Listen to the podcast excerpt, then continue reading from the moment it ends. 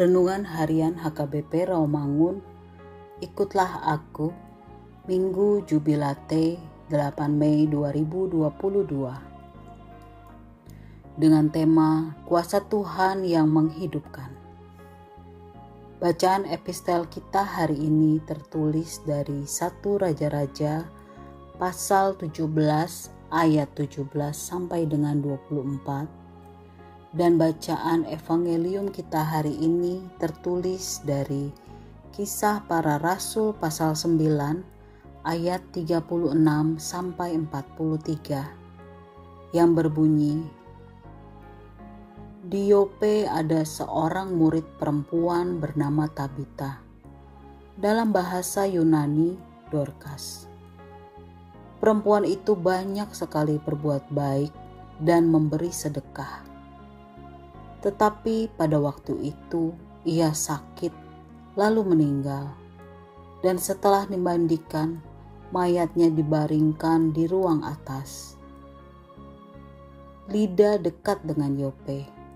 Ketika murid-murid mendengar bahwa Petrus ada di Lida, mereka menyuruh dua orang kepadanya dengan permintaan, "Segeralah datang ke tempat kami." Maka berkemaslah Petrus dan bersama-sama berangkat dengan mereka. Setelah sampai di sana, ia dibawa ke ruang atas dan semua janda datang berdiri dekatnya sambil menangis. Mereka menunjukkan kepadanya semua baju dan pakaian yang dibuat Dorcas waktu ia masih hidup. Tetapi Petrus menyuruh mereka semua keluar. Lalu ia berlutut dan berdoa.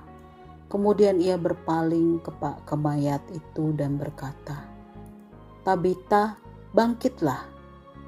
Lalu Tabita membuka matanya, dan ketika melihat Petrus, ia bangun lalu duduk.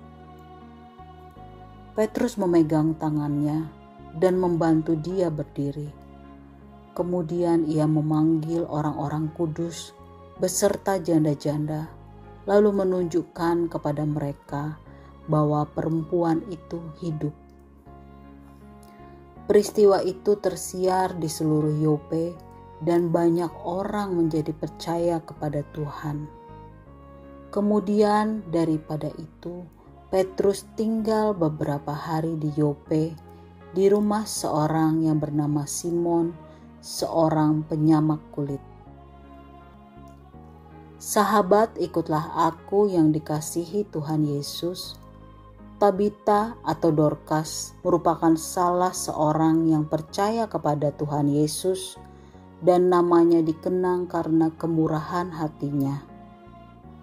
Apa yang sudah Dorcas lakukan semasa hidupnya sebagai seorang penjahit serta memanfaatkan keahliannya itu untuk membuat pakaian bagi para janda.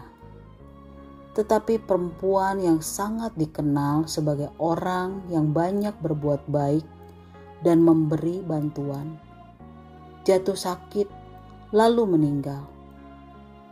Ia melayani Tuhan melalui keterampilannya membuat pakaian. Ketika ia sakit, lalu meninggal. Para janda itu menangisinya dengan membawa baju-baju dan pakaian yang dulu dibuat Tabita itu sebagai saksi kebaikannya. Kematian Tabita sampai kepada Rasul Petrus, sehingga kemudian dia datang. Dia menyuruh semua orang yang ada di ruangan itu untuk keluar Rasul Petrus berdoa sambil bertekuk lutut, lalu berkata, "Tabita, bangunlah." Seketika itu juga Tabita membuka matanya.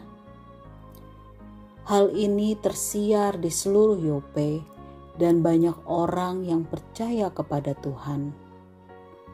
Dalam peristiwa itu, Rasul Petrus benar-benar mengandalkan kuasa Tuhan melalui berdoa dan berlutut. Dan di balik semua itu, Tuhan menyatakan kuasa pemulihannya untuk Tabita yang mati dan dibangkitkan kembali, sehingga menjadi sukacita banyak orang. Kita semua pasti mati, walaupun kita tidak tahu kapan saatnya tiba. Untuk itu, selagi hidup, kita perlu bertanya pada diri sendiri: "Jika saya mati, apa yang akan dikatakan oleh teman-teman atau keluarga saya untuk mengenang saya, atau apa yang akan Tuhan katakan tentang hidup saya. Jadi, marilah kita menyerahkan hidup kita kepada Allah dengan melayani orang lain dengan talenta dan keterampilan yang kita miliki. Amin. Marilah kita berdoa. Kuasamu Tuhan senantiasa jauh melebihi kekuatan apa pun di dunia ini. Amin.